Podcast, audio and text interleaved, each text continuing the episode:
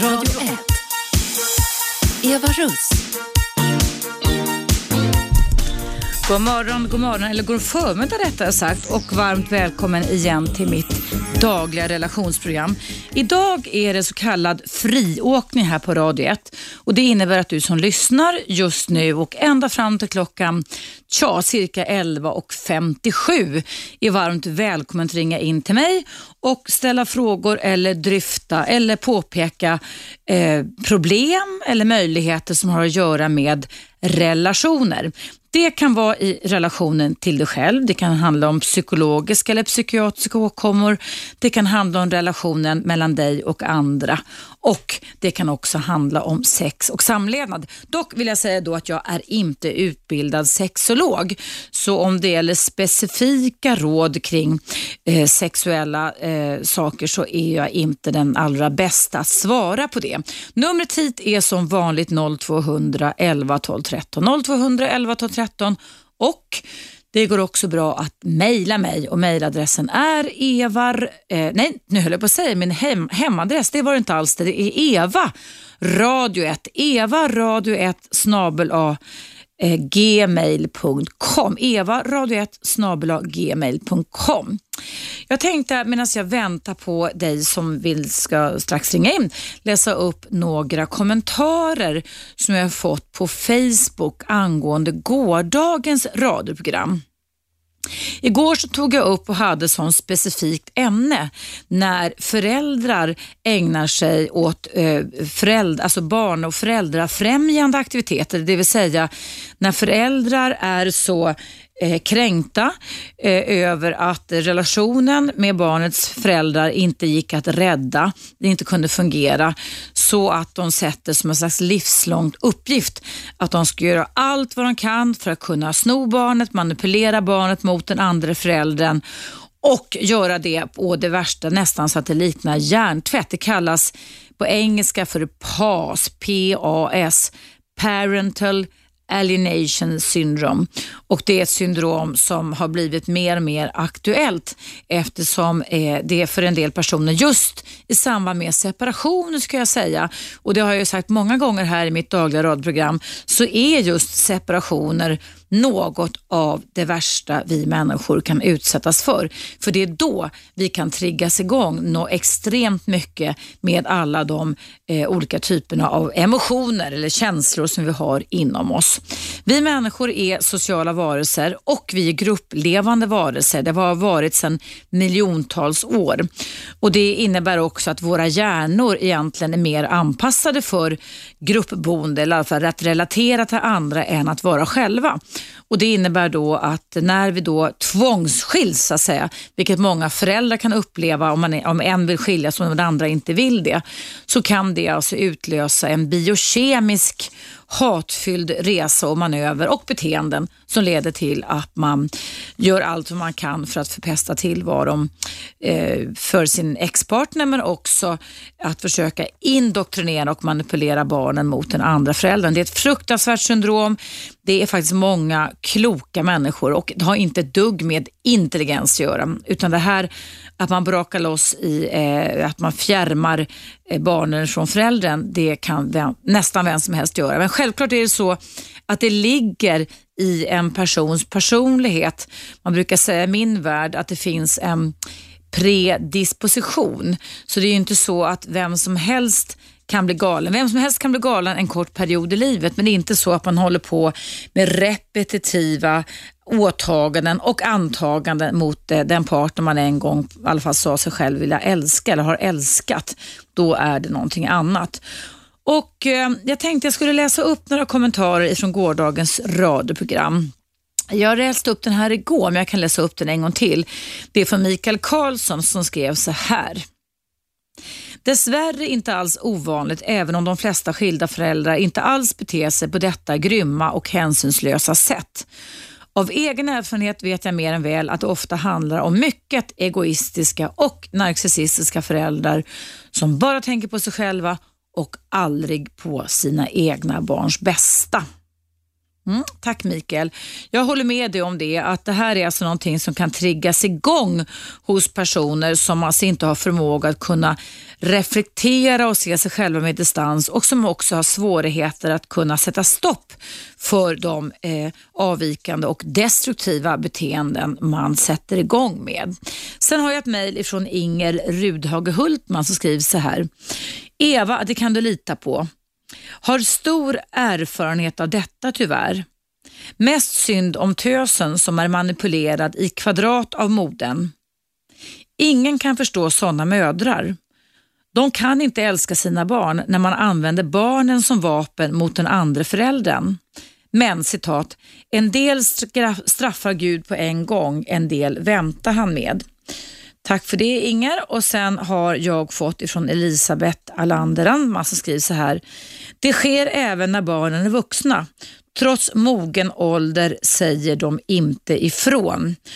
Och Det är faktiskt så. Jag har också varit med om det och mött eh, människor som har vuxna barn, 15, 20, 25, som alltså eh, sväljer den ena förälderns väldigt ensidiga och hatfulla beskrivning av deras föräldrar, biologiska föräldrar och det leder då till att, eller, eller föräldrar i alla fall, och det leder då till att de blir helt enkelt manipulerade och eh, tar efter föräldern, den, den förälderns beteenden som håller på med detta hatfulla beteende. Vad väcker det här för tankar hos dig? Eller väcker det här programmet när det är friåkning här på Radio 1 i mitt relationsprogram andra tankar?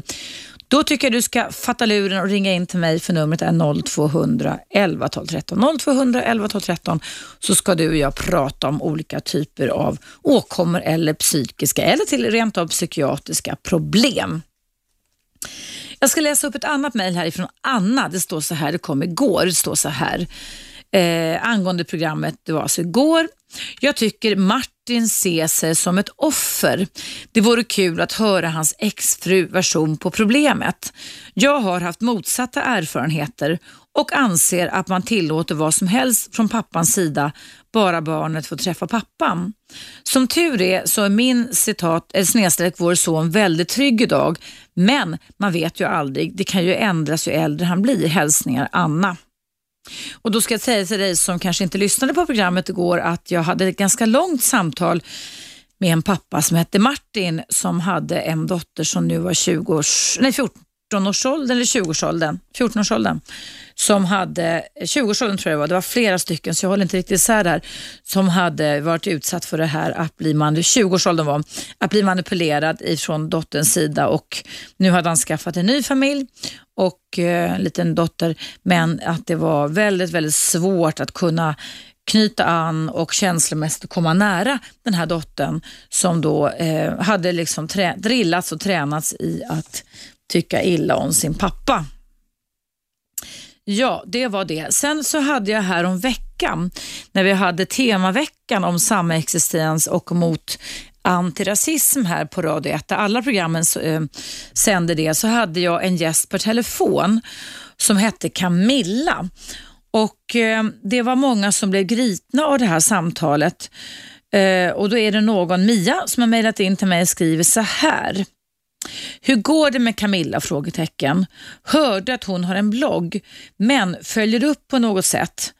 Parentes, dum fråga Eva, du är lika förbannad som alla andra. Slut på parentesen. Ja, det kan jag hålla med om att jag är verkligen. Hur jävlar att göra för att störa upp Migrationsverket? Frågetecken. Och då ska jag då repetera för dig som lyssnar som hörde Camillas eh, samtal. Det handlar alltså om en ung kvinna i 30-årsåldern som är gift med en iransk man och det är absolut inget skenäktenskap. De är lyckligt gifta med varandra och har en liten dotter. Men där de har hamnat i eh, en eh, situation med Migrationsverkets absurda beteenden som leder till att hela familjen lider under svår stress och posttraumatisk stress och att de också eh, eh, riskerar, mannen riskerar utvisning och dödsstraff eftersom flera stycken i deras familj har varit utsatta och även blivit dödade ifrån den regionen och klanen och stammen de kommer från i Iran. Eh, Camillas blogg, hur som helst, som jag pratade med förra veckan, det är, om du lyssnar nu, det är Hjärtat, alltså H-J-A-R-T-A-T istället för Ä, alltså hjärtat bakom siffrorna. Och det är i ett enda ord. Så det är alltså www. och sen är det hjärtat bakom siffrorna. blogg. Då har du den bloggen där. Sen har jag då angående Camilla då, eh, som jag talade med förra veckan, ett mejl från Rebecka som lyssnade på det programmet och då skriver hon så här. Hej Eva, jag lyssnar just nu på den här kvinnan vars man från Iran ska utvisas från Sverige och detta kommer antagligen att leda till att mannen dör. Så här är det eh, enligt FNs barnkonvention som Sverige har skrivit under artikel nummer 9. Så får inte Sverige skicka hem hennes man om de har barn. Så här står det, fortsätter Rebecka, alltså paragraf 9.1. Konventionsstaterna ska säkerställa att ett barn inte skiljs från sina föräldrar mot deras vilja utom i det fall då behöriga myndigheter som är underställda rättslig omprövning i enlighet med tillämplig lag och tillämpliga förfaranden finner att ett sådant åtskiljande är nödvändigt för barnets bästa. Sen fortsätter Rebecka. Norge har gjort barnkonventionen till lag, så skulle de befinna sig i Norge så kan inte Norge utvisa honom till Iran. Hoppas det här kan hjälpa. Hälsningar Rebecka. Sen fortsätter Rebecka ett annat mejl. Då skriver den här igen. Hej Eva! Nu har jag verkligen fått eld i baken. Den här historien om Camilla och hennes man engagerar mig ännu mera nu. För här är två andra artiklar ur barnkonventionen som skulle kunna hjälpa Camilla. Och Då fortsätter Rebecka så här. Artikel 2.1 så står det så här. Konventionsstaterna skall respektera och tillförsäkra varje barn inom deras jurisdik jurisdiktion de rättigheter som anges i denna konvention utan åtskillnad av något slag. Punkt. Och sen refererar Rebecka som har mejlat mig också till artikel 3.1 där det står vid alla åtgärder som rör barn, vare sig de vidtas av offentliga eller privata sociala välfärdsinstitutioner, domstolar, administrativa myndigheter eller lagstiftande organ, skall barnets bästa komma i första rummet. Så det talar ju verkligen för, eller talar emot kan man säga, att Migrationsverket absurda krav på att mannen måste söka ny flyktingstatus och åka tillbaka till de, det riskfyllda områden han kommer ifrån där hans 19-åriga släkting eh, blev avrättad enligt Human Rights Watch i januari i år. 19-årig pojke som är avrättad. Eh, men där tycker Migrationsverket att det är lugnt. Det är bara att åka tillbaka och sen kan du komma tillbaka till Sverige igen och allt är frid och fröjd. Ja, eh, var finns empatin? Det frågade jag förra veckan. Var finns sympatin? Jag har all respekt för att människor som är rekryterade på sådana här myndigheter som till exempel med statligt och Migrationsverket får gör, lov att göra sitt jobb. Men om alla människor eh, beter sig enligt haloeffekten, där man alltså anpassar sig till dumma beslut och ingen vågar säga ifrån av rädsla för att avvika just för att gruppmänniskor och gruppvarelser ifrån ifrån gruppen när vi sätter fingret på att någonting är väldigt knäppt. Då tycker jag det är fara och färde. För det är faktiskt också så att om vi pratar om vad som har gjort att vi människor har fört våran eh, mänsklighet kan man säga framåt så är det faktiskt ett felsteg i rätt riktning. Det är inte så att vi gjort samma sak hela tiden, vilket oftast man brukar skoja om i definitionen på idioti, utan vi har faktiskt gjort felsteg som har blivit rätt steg och som har lett till att vi har möjligheten till att kunna utveckla oss själva.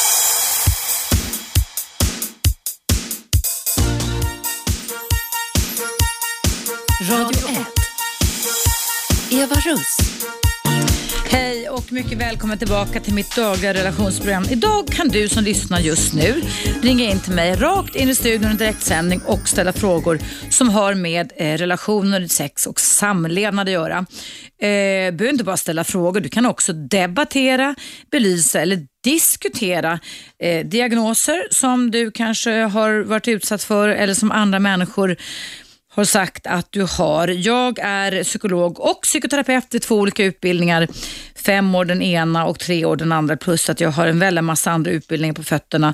Så jag är ganska haj på att kunna eh, diskutera olika typer av symptom och därför tänkte jag att jag har tagit med mig min röda lilla bok här. Den kallas för DSM-4. Det är utgiven av amerikanska psykiatriska associationen. Där, apropå att man idag eh, diskuterar den här veckan i alla fall. I Norge, vårt grannland Norge, så diskuterar man vad massmördaren vars namn jag aldrig kommer nämna i mitt program i alla fall här på Radio 1 har för diagnos. Det är ju en välsalig blandning av olika diagnoser som den här personen har som många eh, psykiatriker hävdar att han skulle lida av. Och Jag läste i tidningen idag att eh, några stycken hävdar att han har Aspergers syndrom. För din information, när jag tittar i min lilla bok här, så heter den diagnosen 299.80 Aspergers syndrom och sen står det F84.5. Och Jag ska läsa upp kriterierna här för det kan vara medan jag väntar på samtal ifrån er lyssnare. Då står det så här A. Kvalitativt nedsatt förmåga till social interaktion, vilket visar sig minst på två följande sätt. 1. Påtagligt bristande förmåga att använda varierade icke-verbala beteenden såsom ögonkontakt, ansiktsuttryck, kroppshållning och gester som ett led i den sociala interaktionen. Och två, oförmåga att etablera kamratrelationer som är adekvata för utvecklingsnivå. 3. Brist på spontan vilja att dela glädje, intressen eller aktiviteter med andra. Och fyra, brist på social eller emotionell ömsesidighet.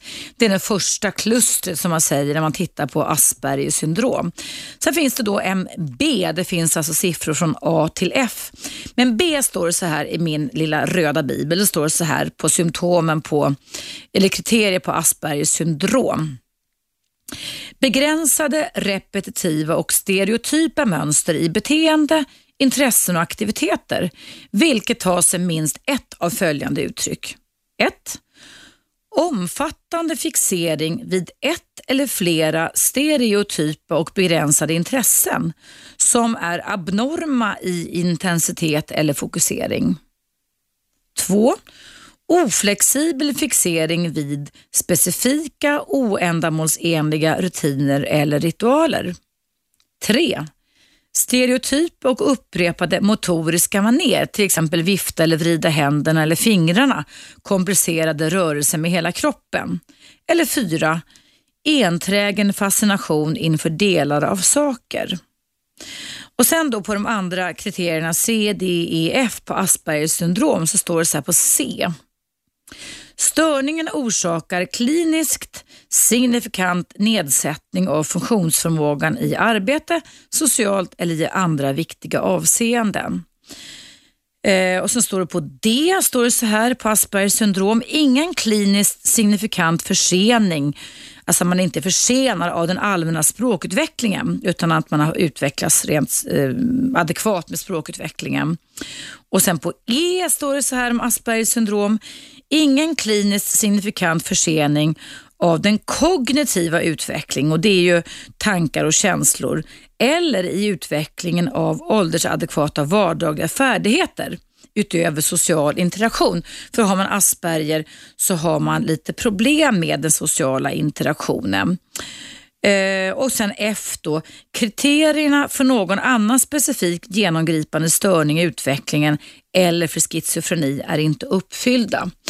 Det, kära lyssnarna, är då den, eh, bland annat den diagnosen som man diskuterar just nu då i Norge, huruvida massmördaren i Norge har den typen av eh, eh, ja, diagnos helt enkelt, om det skulle, då skulle vara Asperger. Jag lägger mig inte i diagnossättningen på något sätt. Men eh, jag ska titta också här på, på psykos eftersom man pratar om psykos som skulle kunna vara en möjlig diagnos. Ska vi se här. Um, du, du, du. Det finns väldigt, väldigt mycket kring psykotiska symptom kan jag säga. Det finns psykotiska symptom som är kroniska, det finns med melakoni, melakoni, att man är nedstämd, det finns eh, eh, man kan vara bipolär, att det finns en väldig massa olika förstämningssyndrom när det gäller psykoser. Det finns ju bipolära syndrom, det finns, eh, nu ska vi se här, hm. Ni förstår att den här bibeln, eller bibeln, det är en bibel, men den är alltså väldigt, väldigt omfattande och den innehåller faktiskt alla typer av diagnoser som finns inom psykiatrin. Um, den är ju e- egentligen ingenting för lekmän, men den finns att köpa typ i Akademibokhandeln eller på nätet och heter alltså Mini-D4. Diagnostiska kriterier enligt DSM-4-TR och det är Pilgrimpress som har gett ut den. Men man ska akta sig för att sitta och sätta diagnoser på sig själv och andra för då kan man ibland uppleva det faktiskt som om man, man har alla typer av diagnoser. Det är för övrigt ganska klassiskt när man läser till läkare eller läser till psykolog att när i takt med att man lär sig olika typer av eh, symptom så tror man att man har dem själv. Så det gäller att kunna se upp lite med det här.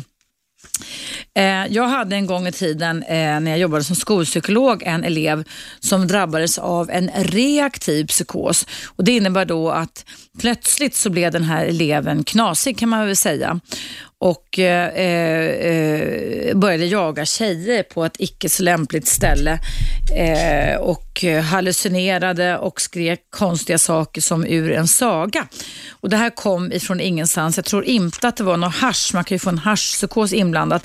Men vad jag har förstått nu, det här var många år sedan, så har den personen fick adekvat hjälp på barn och vuxenpsyk var det väl då och kan, hoppas jag innerligt också, kunna fungera bra. En reaktiv psykos är alltså någonting där man reagerar på personligheten, reagerar på kropp och själen när någonting utlöses i en situation. Nu ska vi se vem jag har på tråden. Hallå där, vem är där? Ja, hejsan. Mitt namn är Thomas. Hejsan Thomas, välkommen till Hej. mitt program. Hej. Jag tycker du har ett jättebra program, men jag tänkte ibland blir det lite mycket så här, invecklade frågor och så här, som du lägger ut. För att, uh, det, om, om folk uh, vill ringa in och sådär så blir det, det är så mycket termer sådär som vi vanliga inte kan. Okej, okay, lite svåra ord menar du eller? eller? Ja, men inte bara det. Men det, ja, det blir lite, så här, lite långrandigt. Annars är det ett väldigt bra program, men jag tänkte... Uh, ja, ja, allt så här som du med utbildningar och allt sånt där som är lite... Mm. Mm. Så här, ja, men en annan fråga. Den här, han som skulle bli utvisad. Ja. Det var ju en tjej som han var i... Camilla, ja. Ja, precis. Ja. ja. Mm.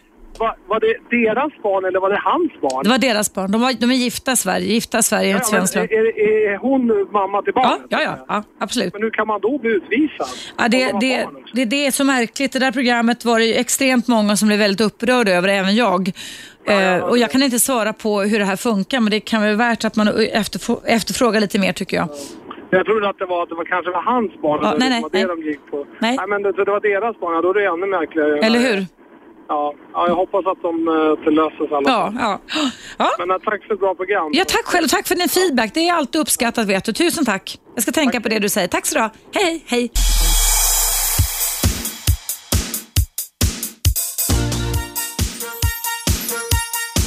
Radio 1. Eva Russ. Hej och mycket välkommen tillbaka till mitt radioprogram här som handlar om relationer, psykologi och samlevnad.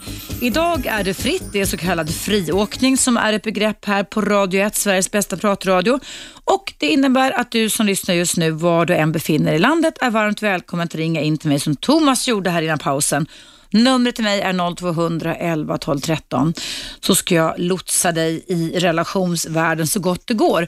Och medan jag väntar så ska jag fortsätta läsa upp lite vad tecknen på en psykos är när man är psykotisk. Man eh, håller ju på i den här veckan i Norge, vårt grannland Norge och ska diskutera och ventilera och belysa vilken typ av diagnos eller diagnoser som massmördaren i Norge kan ha. Och alldeles innan pausen här så läste jag upp Aspergers syndrom, för det var i dagens media så var det flera stycken som hävdade att han hade det. Men sen är det några stycken experter och det var alla professorer så det är väldigt intressant att man kan diskutera och inte ha samma syn på detta, att det är så svårt att diagnostisera den här personen i Norge.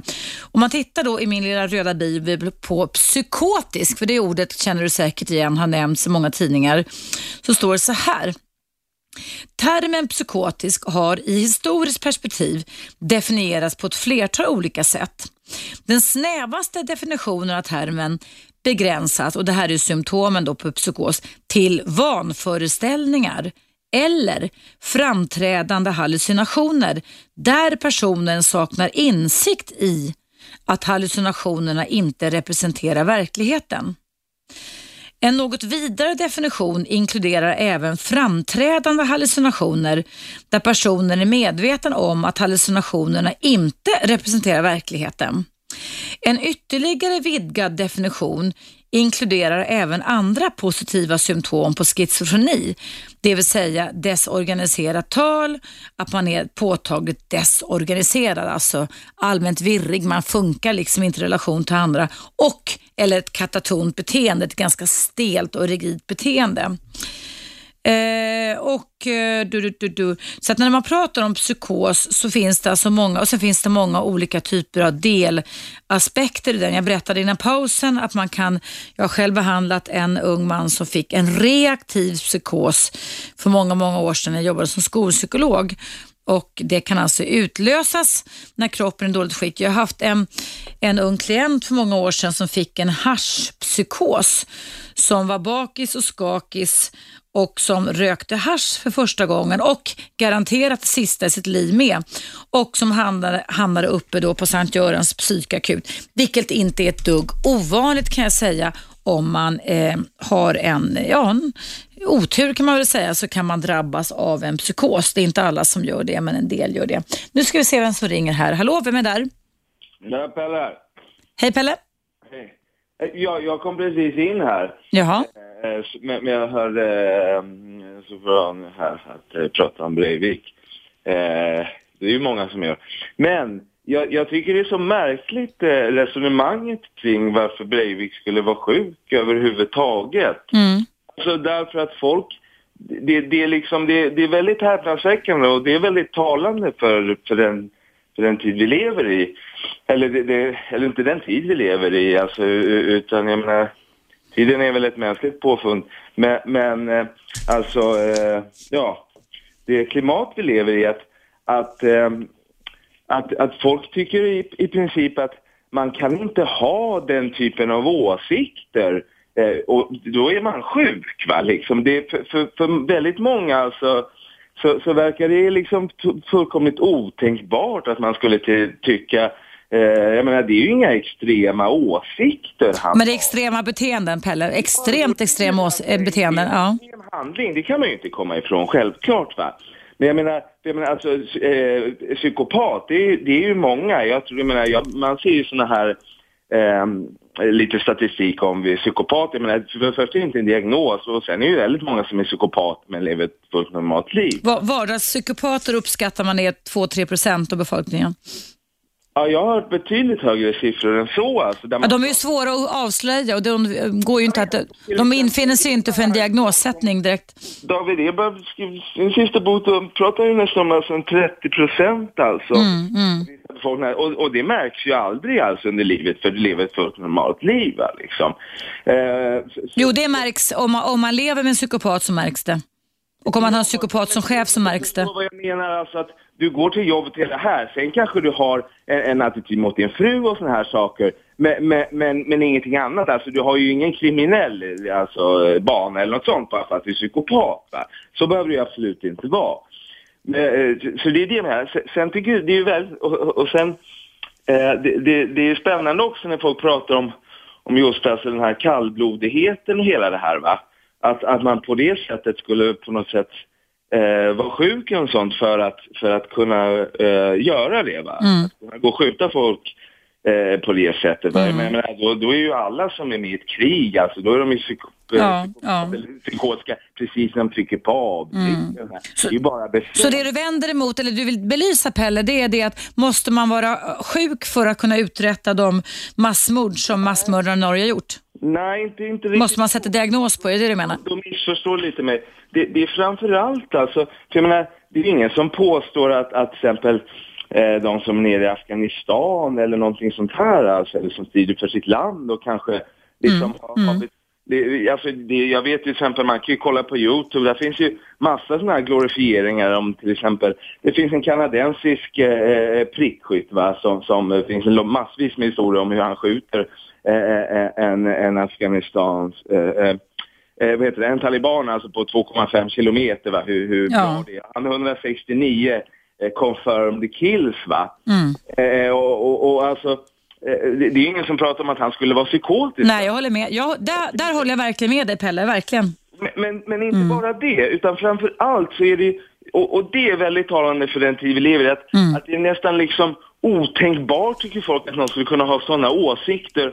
Och har man sådana åsikter så, ska, så måste man i princip vara sjuk. Mm. Mm. Det är ju det mm. som är så otroligt märkligt alltså. Och, och, och, och, och, samma personer som sen pratar så vitt och brett om, om liksom hur alla ska få tycka vad de vill och att det är inget konstigt att tycka si eller så va. Men just den här typen av, av åsikt, eh, eller vad man ska kalla det, eller, eller idé, eller liksom en världsbild, det, det, det är ju inte speciellt konstigt. Alltså. Sen, är, alltså, sen är handlingen väldigt liksom ovanlig, självklart. Men jag menar, om man ska prata om att det är sjukt att gå och skjuta folk en efter en va, och, och, och, och, och, och titta på, då kan man ju verkligen prata om hur sjukt är det inte att, att skicka missiler från eh, mm. ena sidan jorden till den andra som dödar liksom betydligt fler, eller sitta mm. i ett plan och bara köra knapptryckseffekten och mm. inte se effekten av, av, dem, av, dem, av det dödande mm. som, som, som, som, det, som det innebär.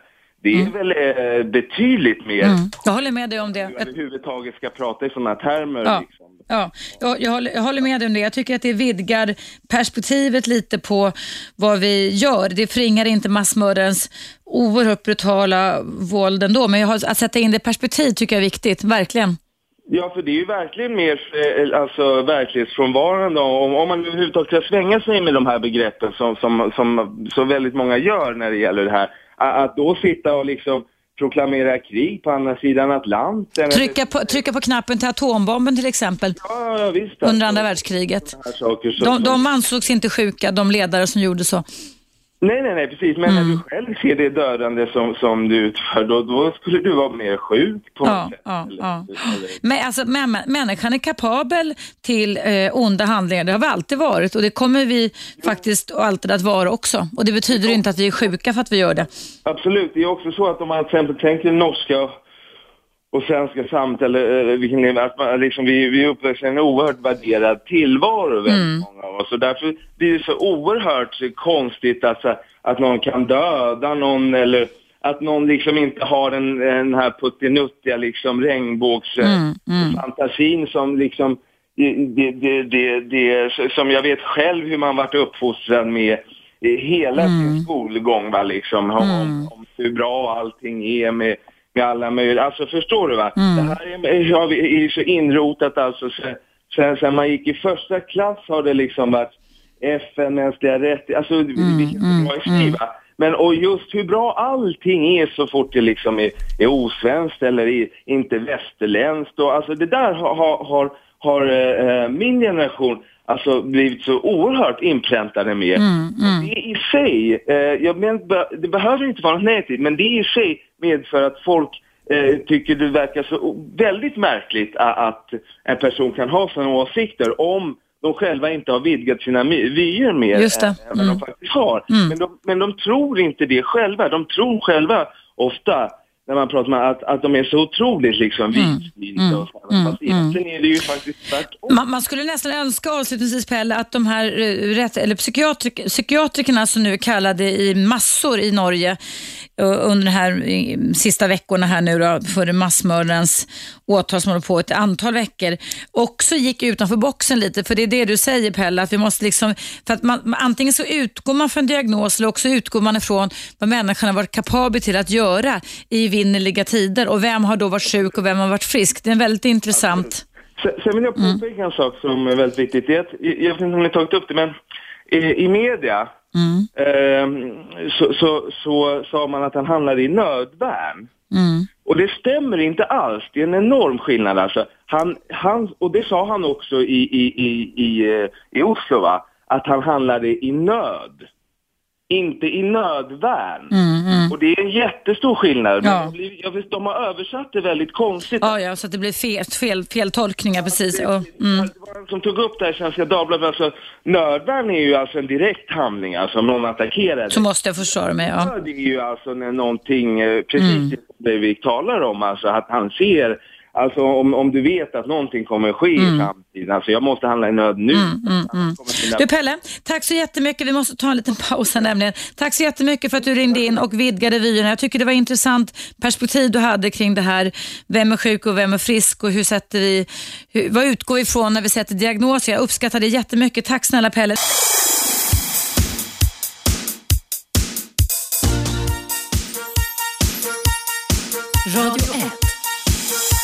Eva Russ. Ja, mycket välkommen tillbaka till mitt dagliga relationsprogram i direktsändning på Radio 1, Sveriges nya pratradio.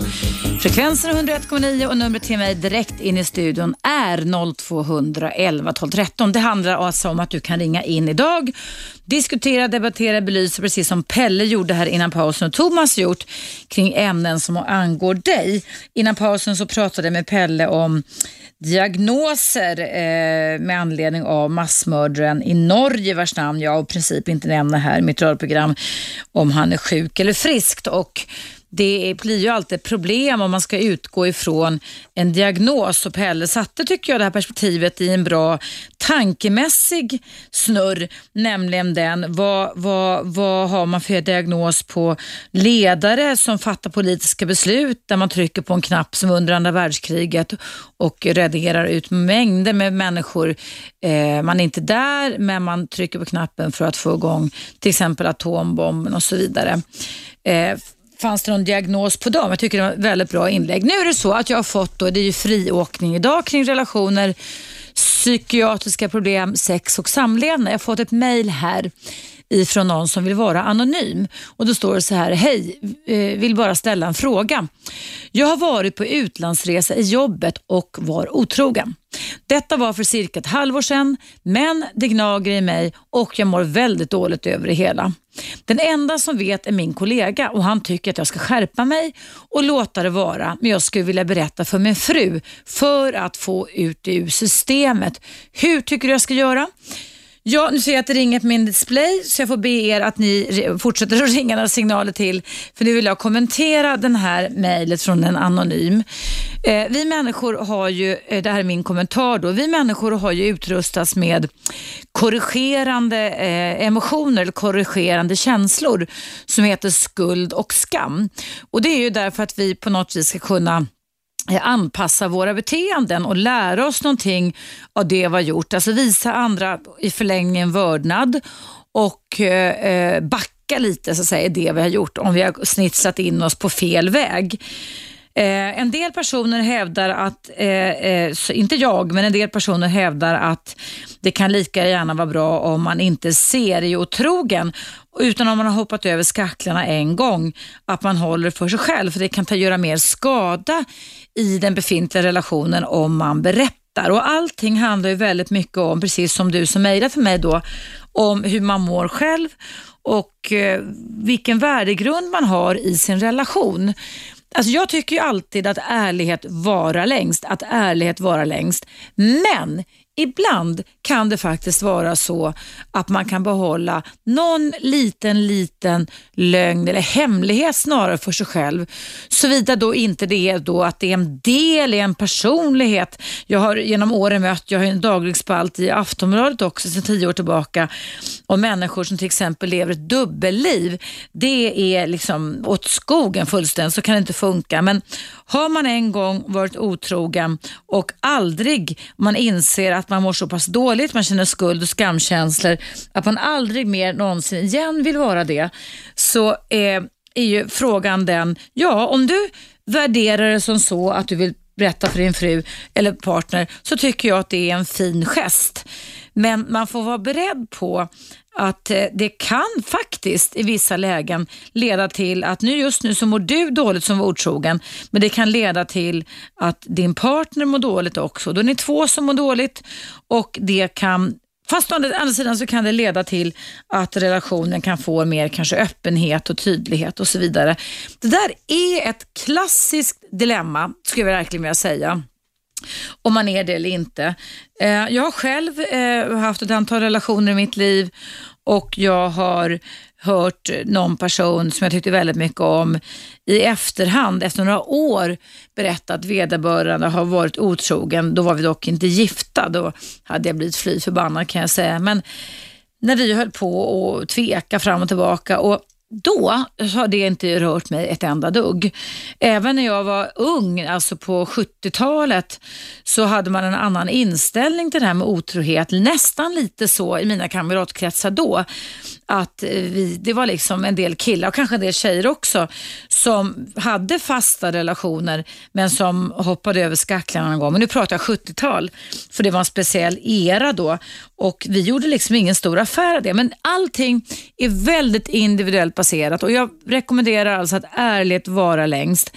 Men ibland kan det vara så att om man gör ett fel i en relation gentemot sig själv och gentemot sin partner så kan det ju vara så att själva korrigeringen av beteendet av felet man har gjort eh, kan komma i intrapsykiskt, alltså kan komma i relationen till mig själv. Och att det inte alltid är så att jag måste blottlägga det och dra in min partner i det här. Såvida då det inte är ett frekvent återkommande beteende, en besatthet, ett begär, en, en lurig grej man håller på med bakom ryggen på den. Men som sagt var, överväg för och nackdelarna. Men som sagt, jag tycker ändå att ärlighet varar längst. Och eh, eh, Man kan gå och överväga en period i sitt liv, precis som den här anonyma har skrivit, att det var ett halvår sedan det skedde på en utlandsresa, men att man mår väldigt, väldigt dåligt. Kollegan här tycker att han ska skärpa sig och låta det vara, men han vill berätta för sin fru för att få ut, ut, ut, ut otroheten ur systemet. Och Det är klart att han får ut den ur systemet, men om vi nu ser på två olika handlingsalternativ så eh, skapar det också ett nytt system. Eh, och det finns ju gamla ord, ord och uttryck.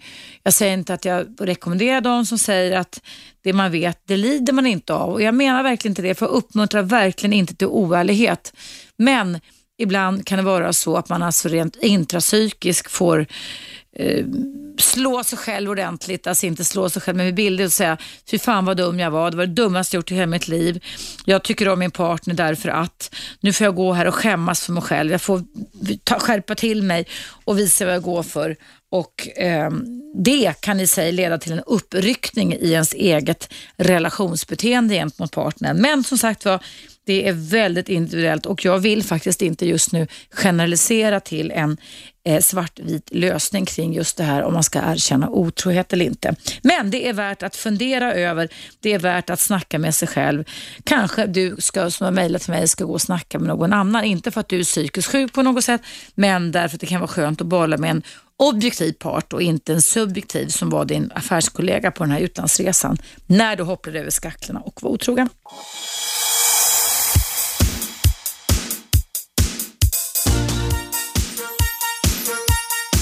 Radio 1. Eva Russ. Välkommen tillbaka. Idag är det friåkning. Du kan ringa in till mig om du vill diskutera eller debattera eh, saker som har med relationer att göra. Numret är 0200 11 12 13. Jag hörde här i reklampausen att jag själv sa att ibland, ibland kan ju faktiskt gräset vara grönare också. Och innan pausen så läste jag upp ett lyssnarmail från en man som satt i ett dilemma där han då hade upplevt på en utlandsresa att en gång var gräset grönare, det vill säga han var otrogen kring detta. Och då har jag Leif på tråden. Hallå Leif! Jajamensan, jag är här. Hej, hej. Eh, berätta vad du tänkte kring den här killens bryddhet. Ska han berätta för frun eller inte berätta för frun att han varit otrogen? Jag tycker inte han ska berätta för sin fru eftersom det var en engångsföreteelse och han mår ju uppenbart dåligt utav det. Och då tycker jag han får ta det och försöka komma över det själv. För blandar han in sin fru, då blir det bara ännu mer elände. Mm. Det var det jag också resonerade lite, alltså att just nu så att det kan vara en intrapsykisk grej, det är ju en term jag använder, men jag kanske, kanske ska sluta med det. Jag hörde att det var någon som tyckte jag snackade för mycket termer här, men alltså att, att han får brottas med det själv, det är det du säger, och ta sig ansvar. Vad tror du risken är om man skulle berätta det för sin fru då? Leif? Ja, hon blir naturligtvis jätteledsen och eh, det kan ju hända att, att det kraschar deras äktenskap. Mm. Beroende på hur starkt det är. Men varför ska han pröva den? Eh, Mm. Jag menar, ta skiten själv. Ta skiten själv. Tigolid Ja, sa du i pausen här också. Vad sa du? Sa du inte Tigolid? Ja, tig och lid. Absolut. Mm. Ta skiten själv. Tig- Ja. Ja, Och- eftersom det inte, uppenbart inte är ett dubbelliv han lever utan han snubblade där och, och Ja. fan med levande. Ja, och du Leif, titta med, jag låg och tittade i, jag, läser, jag är så intresserad av evolutionen och det nämner jag ofta i mitt radioprogram och läste om sex, vårt sexuella livs utveckling som forskarna tror i alla fall det kan vara.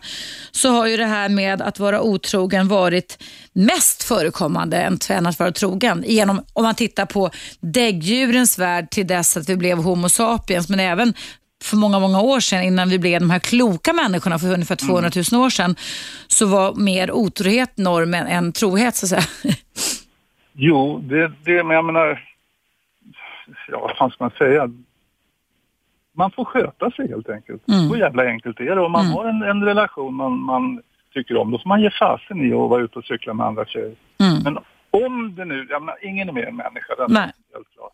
Man är på semester eller jobbresa, man dricker lite sprit och man är ute på kvällen och hej och så dyker det upp en gullig liten dam där. Mm. Men man får tacka nej.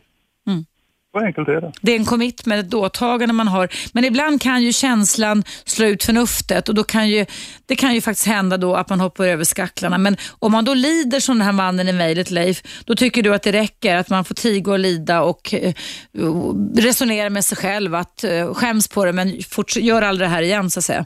Absolut. Mm. Ta, ta ansvaret själv. Ta ansvaret själv. Bra, toppen. Jättefint. Jaha. Tack så mycket Leif för din, till din åsikt. Hej då. Tack Hej, hej, Hej hej. Ja, kära lyssnare, vad trevligt. Då hade vi en lyssnare där. Vad, vad gör ni idag? Har ni helt blivit slaget av raden? Det brukar ringa jättemånga människor här när det är friåkning, men det kan ju också vara så att eh, det är skolavslutning och allt möjligt. Men därför ska jag läsa upp ett mejl här till. Ett mejl. Du kan alltså då eh, mejla mig evaradio1 gmail.com. Ja, det här är från Susanne och det är väl ganska högaktuellt skulle jag vilja säga i dessa tider. Det står så här. Nu till midsommar ska hela familjen, inklusive svärmor, svärfar och våra syskon med barn, fira hos oss på landet. Jättekul en kväll, men det verkar som de vill stanna några dagar. Så blev det förra året, vilket innebär att jag fick fixa med mat och underhålla hela gänget flera dagar. Fast jag själv gärna hade haft det lugnt och skönt så här i början av semestern. Och så fortsätter Susanne i sitt mejlsätt så här. Hur säger jag det utan att de blir sura? De kan ju bo här om de sköter sig själva. Vi har gott om plats, men jag vet att de räknar med service. Dyrt blir det också. Hjälp, säger Susanne. Mm. Kära lyssnare, jag skulle tro, jag skulle tro utan att varken vara synsk eller kunna ägna mig åt tankeläsning att det är jätte jättemånga av er, inklusive jag själv, som tänker på samma sätt och som känner den tudelade glädjen eller skräcken rättare sagt som Susanne skriver i mejl till mig. Hur ska vi lösa detta när vi blir invaderade i sommarstugan och folk tar för givet att de ska få full service när man själv är utschasad och inte orkar med någonting annars. Det är en sak att det är en relationsaspekt, att man tycker att det är trevligt med svärmor, svärfar och syskon och så vidare. Men sen finns det också en serviceaspekt. Och jag tycker att Susanne, du ska skilja på relationsaspekten och serviceaspekten. Det finns ingenting som eh, eh, innebär att de, dina eh, släktingar ska ta för givet att du ska stå för all service eller allt käk och bjuda dem på allting. Utan jag tycker att eh, du ska säga som det är. Ni är varmt välkomna. Jag tycker det är jättekul. Och om ni vill stanna några dagar till, precis som förra året, då får vi faktiskt lov att fixa ett knytis. Och då skriver Susanne så här att hon är rädd. Eh, nej, hon skriver så här, hur säger jag det utan att de blir sura? Och då säger jag så här, it's not your problem. Alltså du äger landet och du höll på att jobba ihjäl dig förra året. Vi kommer ingen vart i våra relationer om vi inte vågar kommunicera. Och kommunicera kommer ifrån latinet och heter kommunicare och betyder att, ö- att, att överföra ett budskap. Det är lika bra Susanne att ta tjuren vid hornen på en gång och det betyder inte att du är dum, taskig, elak på något sätt. Du vill ju och tycker det skulle vara skoj om de bodde där och skötte sig själva eftersom det har gott om plats. Men eftersom de har Eh, förväntat sig, eftersom ingen har sagt ifrån skulle jag tro, service, så är det ju så att vi människor lär oss av hur det var förra gången och då kommer vi tillbaka till landet kring midsommar och förväntar oss samma service. Och därför så är det nu prompt och viktigt Susanne att du pratar med svärmor, svärfar och syskonen med barn. Kanske om alla har tillgång till mail till exempel så skulle jag skriva och säga så här, det här ska bli jätte, jätteroligt i år. Jag tycker att det är kul att relatera. Jag ser verkligen fram emot det här eh, och vårt firande. Men Eh, eh, jag skulle vilja att i år så skulle jag önska att vi kunde göra på det här sättet. Att vi skulle kunna göra knytis. Eh, har ni något bra förslag? så tycker jag du lägger tillbaka det lite på dem. Vad skulle ni kunna tänka er att bidraga med så att maten räcker under flera dagar till allihopa? Och så kan ju du Susanne räkna ihop hur många människor ni är som är uppskattningsvis där. Det här tror jag är ett jätte, jättevanligt problem när man har sommarställe att man många gånger tas för givet och att man då ska hålla en servicenivå också förutom relationsnivån eh, så länge som man inte säger ifrån. Och Jag tror också att det är inte så att släkten eller kanske också för del, den delen vännerna är, är, är ute efter att utnyttja dig som upplever det som, som sann. Utan jag tror bara det att så länge som vi inte kommunicerar, stopp, hallå, belägg, det här funkar inte, vi måste lösa på något annat sätt. Så gör vi, då, då blir det liksom ingen respons, det blir inget stopp någonstans. Utan att det blir bara att man förväntar sig att allting ska vara som förr.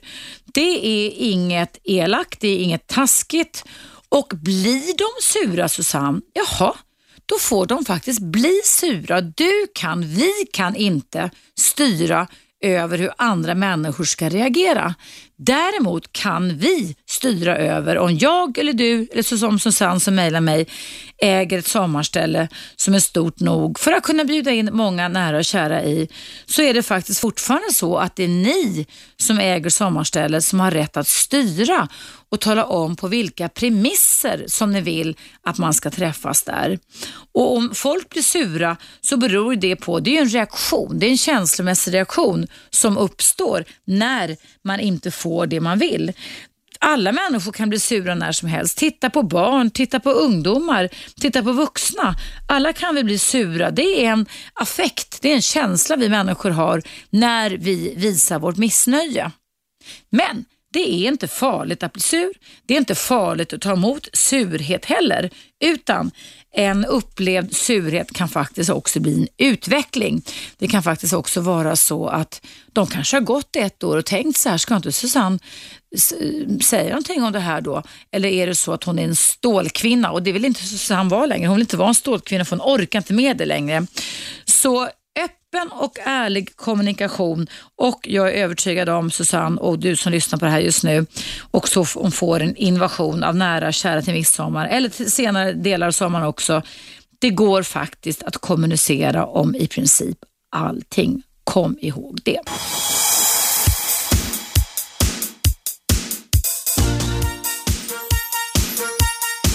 Radio 1. Eva Russ. Ja, jag tänkte faktiskt läsa upp en åsikt från Elisabeth som har mejlat in till mig. Vilket du också kan göra. Det är fritt kring relationer idag och adressen som Elisabeth har mejlat in på är alltså evaradio1 gmail.com. Innan pausen så kommenterade jag mina åsikter och råd kring när man blir invaderad i midsommar eller i sommarhuset på landet. Om man kan säga från eller inte och det är självklart man ska göra det. Vi ska kunna kommunicera om allting var mina slutord. Men innan dess så kommenterar jag ett lyssnarmail från en man som mådde dåligt för att han hade hopplat över skacklarna en gång på en utlandsresa för ett halvår sedan. Och då ringde Leif in och sa att tig och lid. Det finns ingen anledning om det bara var en enda gång och var otrogen att göra någonting åt det. Och då har Elisabeth kommenterat det. Då skriver hon så här. Hej trevliga Eva! Tackar för ett mycket bra program igen. Jag måste göra ett inlägg angående otrohet. Det är inget fel alls att begå ett litet snedsteg på en konferensresa eller liknande. Att inte göra det man vill och istället gå och fantisera om citat den där sexiga varelsen är mycket värre, säger Elisabeth och då säger jag att jag håller faktiskt med om det. Men nu ska jag läsa upp vad Elisabeth skriver mer. Hon skriver så här. Det är inte alls konstigt att man är otrogen egentligen. Tror det är ett sundhetstecken och ett led i en nyfikenhet på andra människor. Värre är det väl då en del begår incest eller tidelag. Usch! Tycker det finns mycket värre saker och har man varit med om hemska saker så är nog inte ett litet snedsteg i en relation något världsligt utropstecken. Det är inget brott. Om man berättar om otrohet så får man också riskera att man förlorar sin partner. Tack så mycket Elisabeth, vad bra. Det här belöser ju ytterligare även det som, som Leif ringde in här och pratade kring. Som sagt var, eh, det finns inget rätt eller fel, men jag kan också tycka att det kan vara intressant. Jag har ett annat lyssnarmail här också ifrån Sigrid. Det står så här. Hej Eva, tack för att du tog upp PAS i gårdens, eh, gårdagens program. Det handlar alltså för dig lyssnare att jag tog upp föräldrafientlighet eller när en förälder i en relation efter en separation sätter eh, igång med en väldig massa dysfunktionella beteenden där man gör allt vad man kan för att se till att barnen blir manipulerade till att ta den ena förälderns parti mot den andra föräldern. Och PAS heter det på engelska och så fortsätter eh, Sigrid så här i sitt mejl. Jag har en nära släkting som drabbas hårt av exfruns manipulering av deras två gemensamma tonårsbarn. Mamman har enligt mig klara narcissistiska drag som även visar sig under deras äktenskap. Hon har nu lyckats vända barnen mot sin pappa och de vägrar träffa honom, svarar inte på telefon, sms, mail etc. Han är en otroligt varm och engagerad pappa. Det kan vi alla som känner honom intyga. Han mår fruktansvärt dåligt förstås och känner sig totalt maktlös. Finns det några konkreta förslag vad han kan göra för att få kontakt med barnen? Går det överhuvudtaget att ändra deras felaktiga uppfattning om pappan som är totalt hjärntvättad av sin mamma? Tacksam svar, vänliga hälsningar Sigrid. Ja, kära Sigrid och kära lyssnare. Det här är ett eh, hjärtskärande mejl jag just läste upp för dig. Det är alltså en mamma som uppenbarligen har det som kallas för PAS, alltså Parental Alienation Syndrome, där man gör allt vad man kan för att manipulera över barnen på sin sida mot deras föräldrar som de har växt upp, fötts, avlas av, fötts av och Eh, växt upp med. Och det här handlar då om två tonårsbarn. Eh, precis som skri Sigrid skriver i, mitt, i mejlet till mig så kan det vara så, som, som jag sa igår och även säger idag, det är ju inte alla människor, eh, män eller kvinnor, som drabbas av PAS. Utan det är, min erfarenhet är att det är, um, finns en liten eh, sårbarhet där som kan leda till att det är just vissa som i Sigrids mejl här som drabbas av det. Man kan också ha klart för sig att både narcissism som är en personlighetsstörning men också borderline personlighetsstörning som numera kallas emotionell instabil personlighetsstörning. De två personlighetsstörningarna, dels alltså inte sjukdomar utan störningar i personlighetens utveckling, kan båda också ge upphov till PAS eller i alla fall vara delfaktorer i PAS. Sen kan det finnas en väldig massa andra saker, inte minst svartsjuka avundsjuka, att personen i fråga upplever sig, alltså den förälder som sätter igång och manipulerar barnen, känner sig övergiven, ensam. Övergivenhet, bortvaldhet är två väldigt starka känslor och ord, alltså övergivenhet och bortvaldhet, som kan trigga människor som är lite extra sårbara. Men alla drar ju inte igång och blir så här manipulativa mot sitt, sina, sina barn och mot sitt ex.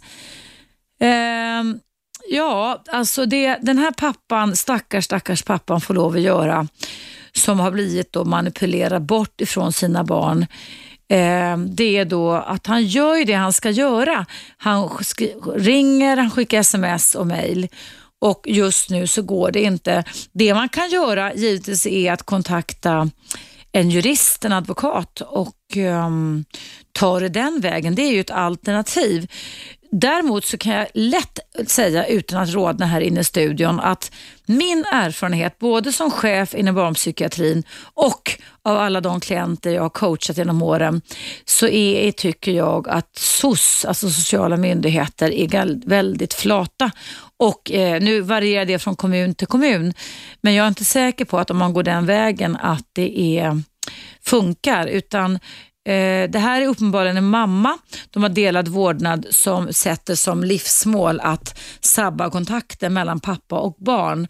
Det är så fräckt, det är så hjärtskärande, elakt och dumt. Och eh, Det är precis som Sigrid säger, att barnen har blivit totalt hjärntvättade av sin mamma. Eh, om det skulle vara så som Sigrid skriver i sitt mejl till mig, att mamman har narcissistiska drag, så tål de inte den här kränkningen, alltså av att det blev en skilsmässa. Förmodligen kanske det var pappan då, tonårsbarnens pappa, som ville skilja sig.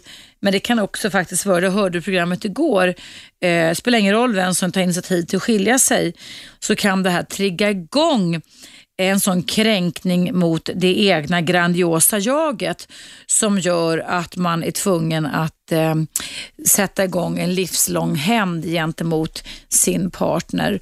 Eh, jag skulle tro att dokumentera allting. Jag tycker att om man är utsatt för det här som Sigrid skriver i sitt mejl, där föräldern gör allt man kan för att sabotera kontakten, så tycker jag då att man ska spara precis allting Eh, kontakta en bra familjerättsadvokat och ge inte upp till barnen.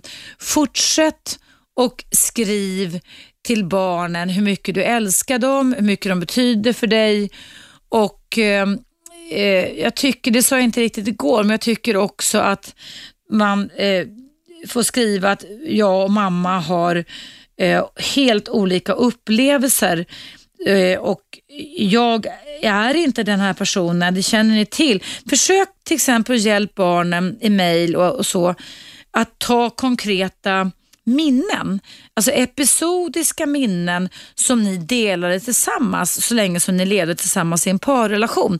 Där pappan och barnen hade det roligt ihop, skrattade mycket ihop, hade, alltså delade en specifik eller flera specifika situationer och känslor.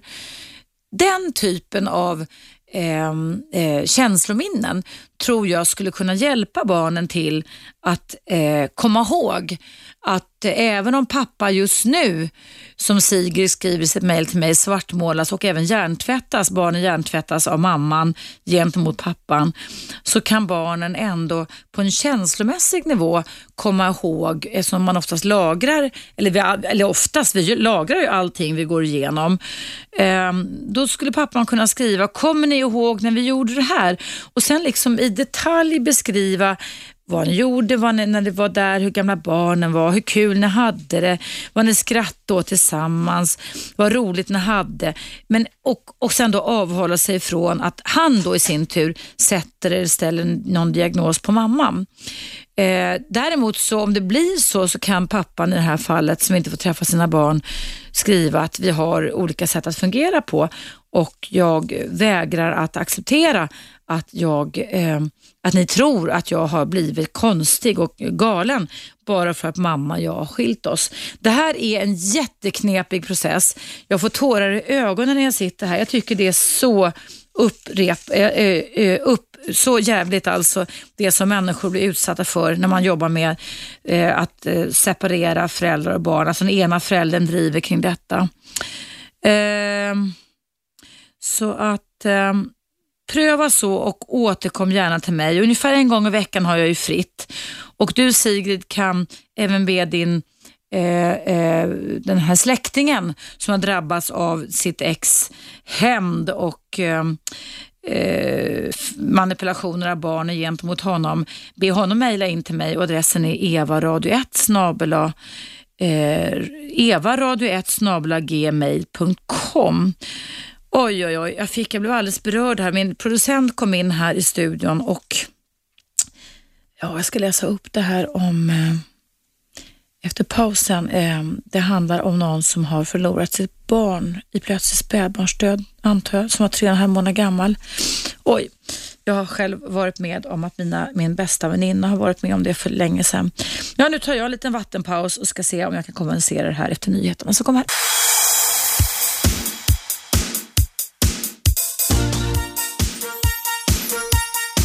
Radio 1. Eva Russ. Mycket välkommen tillbaka. Idag är det så kallad friåkning här på Radio 1 och hittills så har vi avhandlat ämnen som en tillfällig otrohet. Ska den berättas? Hur ska vi göra när släktingar tar oss för givna och invaderar oss till midsommar och under sommarsemestern? Och eh, hur ska man göra när man har en manipulerande eh, ex-förälder som sabbar och hjärntvättar barnen? Och nu, kära lyssnare, vi kommer till någonting otroligt sorgligt. Jag fick faktiskt torka bort en tår ifrån mina ögon här i pausen för jag har fått in ett mail där det står så här. Jag måste svälja. Hej Eva. Jag begravde min dotter i fredags. Hon blev tre och en halv månad gammal. Hur ska jag våga bli gravid igen? Tycker så oändligt synd om min dotter på snart tre år som så gärna ville bli stora syster igen. Vill ju så gärna ge henne ett syskon, hälsningar Frida. Mm. Ja, att förlora ett barn är någonting som är, jag är övertygad om är det absolut värsta som kan drabba oss människor. Men jag vet också att förlora ett spädbarn, precis när man har glatt sig åt det, man har väntat i nio månader och man har glatt sig åt det och eh, den har börjat bli runt tre och en halv månad, precis sådär gullig och ja, lika gammal som kronprinsessan Victorias bebis Estelle är just nu och sen går barnet bort. Det är, ja, det finns inte ord för det. Det är något så fruktansvärt. Ehm, jag vet det här därför att ehm, för många år sedan så har jag, eller hade jag, jag har en väninna som förlorade sin dotter som var tre och en halv, eller tre, tre månader och 20 dagar gammal i plötslig spädbarnsdöd. Det här barnet dog hemma hos farfar när pappa och han var och fikade. Ehm, hon låg på sängen, då får man inte störa henne från att sova och när man sen tog upp flickan och skulle ge henne lite mat när min väninna övningskörde, hon skulle ha körkort, så var barnet stendött. Ja, jag hade en son, min yngsta son, det här är länge sedan, eh, det är 22 år sedan. Min yngste son skulle, vi skojade jag och min väninna att de skulle gifta sig med varandra när de skulle bli stora, men så blev inte. Och de här reaktionerna, både inom mig, men framför allt hos den stackars mamman och pappan och farfar och alla andra givetvis, som blir drabbade, de följer ju givetvis den här kriskurvan som det enligt all beprövad vetenskap är ändå viktigt att ta sig igenom innan man kan som man säger, satsa, satsa på nytt och skaffa ett nytt barn. Och De följer den här kurvan som då kallas för chock, reaktion, bearbetning och nyorientering. Och Chocken kan vara väldigt individuell. Det kan hålla i sig en timme, det kan hålla i sig en dag, en vecka, ett par månader. Och då är allting som ett vakuum och man kanske inte tycker att man reagerar så adekvat. Man vill bara komma ur det här tillståndet och satsa på nytt igen.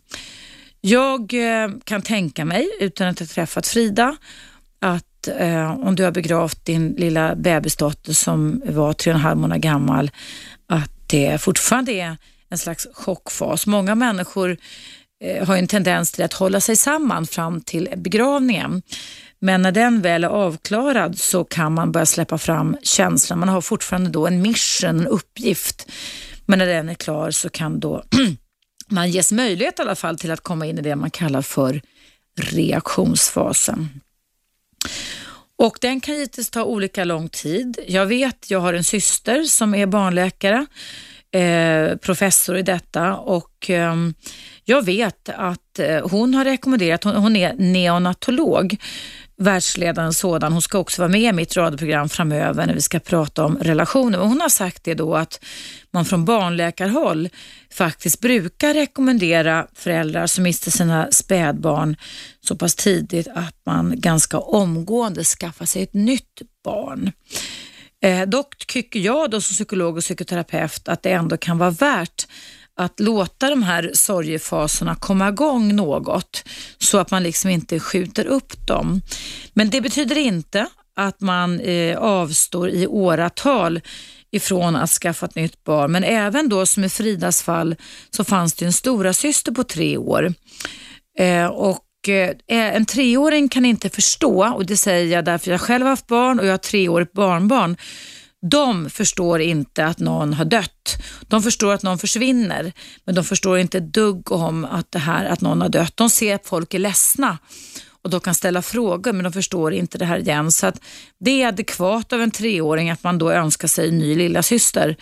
Men eh, i det här läget så är det ju inte barnet, det överlevande stora systern du ska eh, lyssna på, utan framförallt på dig själv och din man och eh, faktiskt eh, tillåta er själva att ta en liten, liten paus.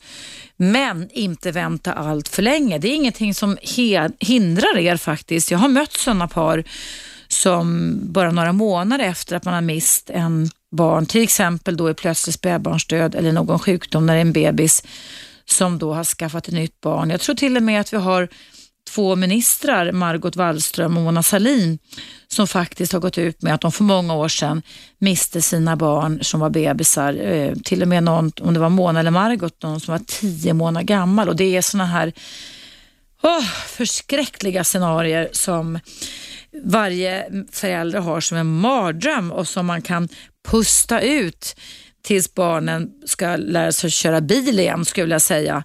Att de har klarat sig så långt. Det är liksom det värsta, värsta som kan hända. Givetvis också andra sjukdomar och sånt. Ehm, och Den här kvinnan då frågar mig, hur ska jag våga bli gravid igen? Och Då kan jag då säga eh, med all eh, empati och sympati, jag kan skicka till dig Frida som mejlar in till mig idag och som har mist din lilla dotter som var tre och en halv månad gammal, att klart att du ska våga bli gravid igen. Ehm, det ska du våga, det måste du våga. Eh, och Det är helt okej okay om du vill våga vara gravid igen nu. Men det kan vara en liten vits med att du släpper fram och bearbetar det här lite. Eh, släpper, gråter dig liksom torr på tårar, eh, så att du kan släppa den värsta emotionella smärtan. Men som sagt, jag har all respekt för, jag har mött människor, både när jag jobbade inom barnpsyk som chef, men också när jag jobbade privat, som nästan omgående efter att man mist ett litet barn faktiskt har skaffat ett nytt barn och har upplevt att sorgen har, jag blir alldeles gråtfärdig, att sorgen har lindrats genom det. Så att jag tycker att um, det är inte stora systerfrider du ska tänka på utan på dig själv och på din man. Och kanske lite det här att hjärnan eh, måste få hänga med. Sen vet inte jag under vilka omständigheter din lilla dotter eller lilla dotter dog. Eh, men, men ibland kan man våga bli gravid utan att man behöver tänka så mycket. För tänker man för mycket, och det är det som jag vill säga till dig som lyssnar, så man ska inte, en del personer kan ju fastna i en sorgebearbetning också och då kanske åren går och sen blir man för gammal för att skaffa ett nytt syskon. Men, men en liten, liten paus där reaktionsfasen och bearbetningsfasen kan komma igång. Eh, för sen kommer ju då den fjärde fasen som heter nyorientering och det är då man ser framåt igen och eh, släpper, eller man kommer aldrig kunna släppa det här att man har förlorat ett barn så som Frida har gjort. Men eh, ibland så kan man bli gravid fast man inte vågar det, om du förstår vad jag menar. Att man får lägga bort rädslan och bara just do it, brukar jag säga till mina klienter. Inte kring det här att skaffa ett nytt barn, ett, ett nyss har dött, men att faktiskt eh, antingen låta tiden gå eller också bara göra det och sen se vad som händer. Men just för om du vill skaffa ett syskon till din treåriga dotter så tycker jag att, att um, man behöver sörja klart. Alltså, det är ju obegripligt för en liten treåring som inte har kommit upp på den kognitiva nivån att förstå att det har dött. Och Det ska inte vara så tycker jag, så att man går och nästan liksom rekryterar, skaffar sig en ny docka när någon har gått bort på det här sättet. Men jag skickar all min empati till er och eh, jag tackar så mycket för att du hade orken och styrkan. Jag hoppas innerligt Frida att du har massor, massor med stöd i form av barnavårdscentral, mödravårdscentral, barnläkare, eh, psykolog, kura, kurator och partner. Och föräldrar inte minst. Eh, det här är ett traumata att behöva begrava sitt barn. Det tror jag du som lyssnar så kanske tyvärr har varit med om det kan intyga. Men det är faktiskt också så att det går att kunna få ett nytt liv efter det och jag ska berätta, berätta varför jag vet det. Nu är det dags för en liten paus här. Jag måste torka min näsa lite känner jag.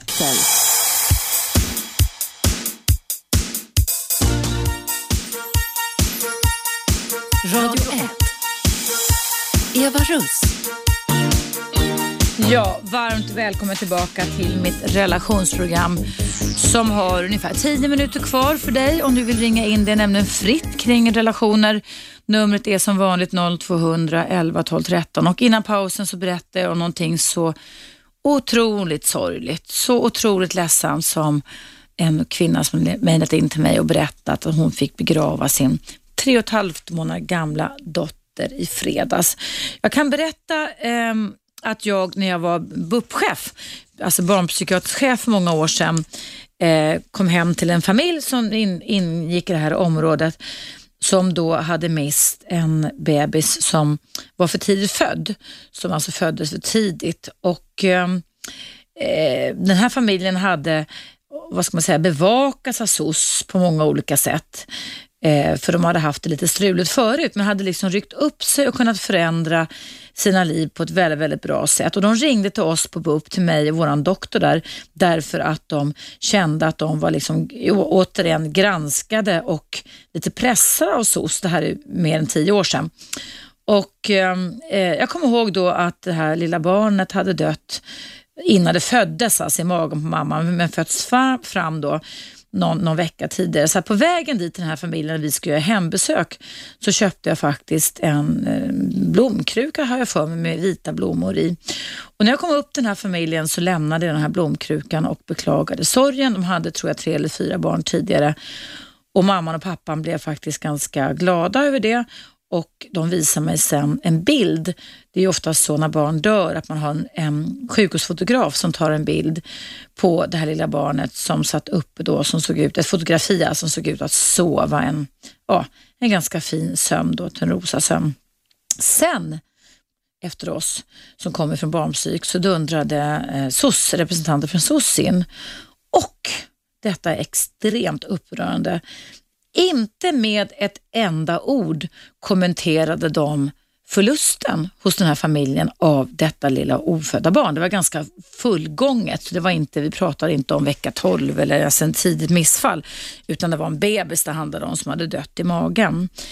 Utan de började genast att börja prata om andra saker och jag tyckte att den här respektlösheten och den här bristen på empati och sympati var något så förskräckligt. Eh, det sa jag även till SOS, för då var jag ju chef inom barnpsykiatrin, att det här är verkligen inte okej. Okay.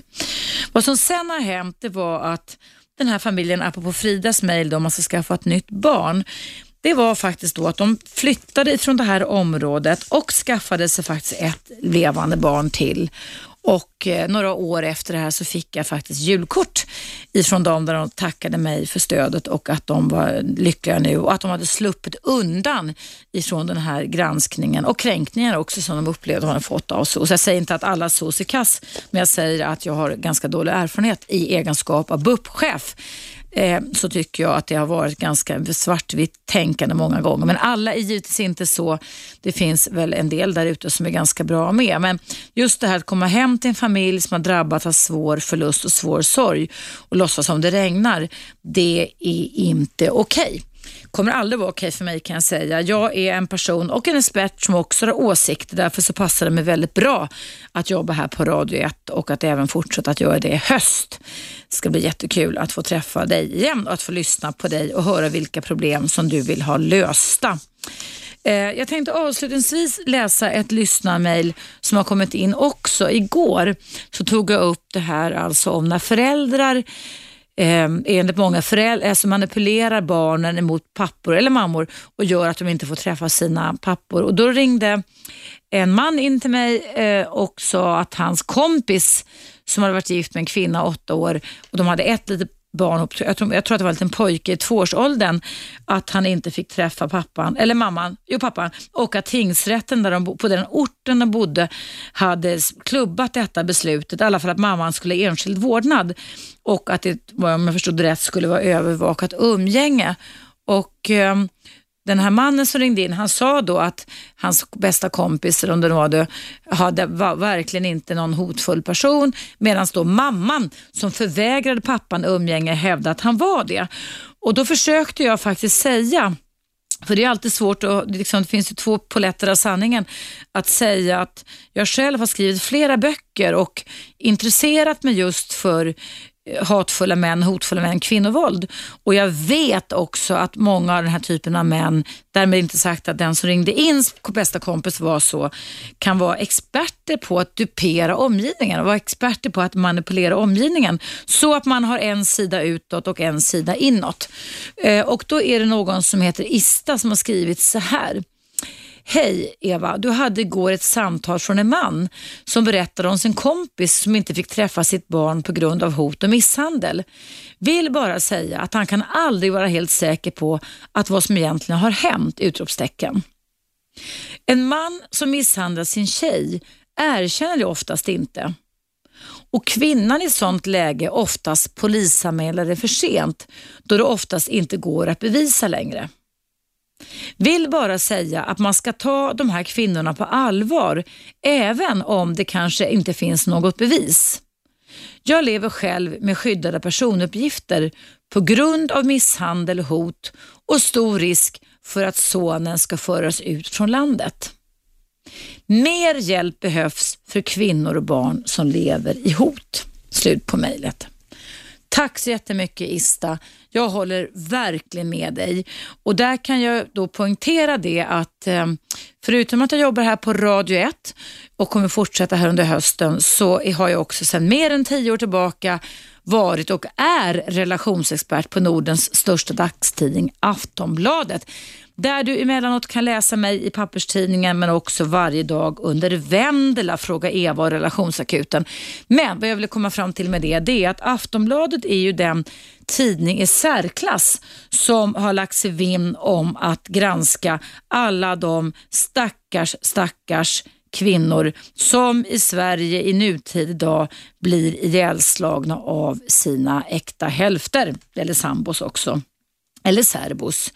Med anledning av detta, det är Kerstin Weig bland annat som har gjort detta, så jag har skrivit en bok som kom ut i höstas som heter varför hatar män kvinnor som älskar dem? Den är utgiven på Norstedts förlag. Varför hatar män kvinnor som älskar dem?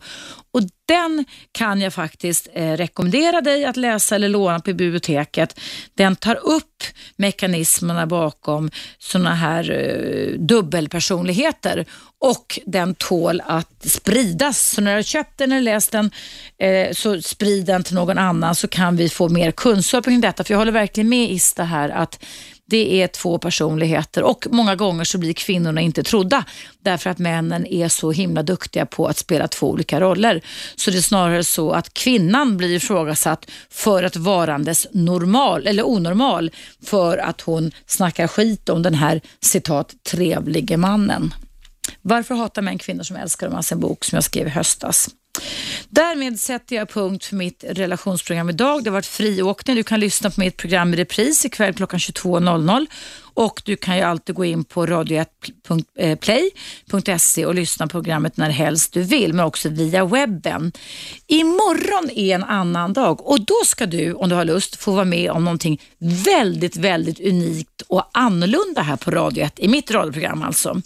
Då har jag nämligen besök i hela två timmar av den eminenta skådespelerskan och bästa komikern, bästa kvinnliga komikern i Sverige, Pia Johansson. Hon kommer att komma hit och vara med i någonting som vi kallar för In Treatment här på Radio 1. Jag ska nämligen köra en två timmars In Treatment med Pia Johansson i syfte att hjälpa henne att bryta hennes singelskap. För, och det ska jag berätta mer om imorgon, det var nämligen så att en anledning till varför jag kallas och blev expert på relationer, det var därför att jag gjorde en forskningsrapport om hur man kan bryta sitt singelskap. Så är du intresserad av det här, då tycker jag absolut att du ska slå på Radio 1 med frekvens 101,9 imorgon bitti klockan, 20, klockan, nej vad säger jag, 22.00, klockan 10.00 imorgon. 101,9 Radio 1 Sveriges nya pratradio.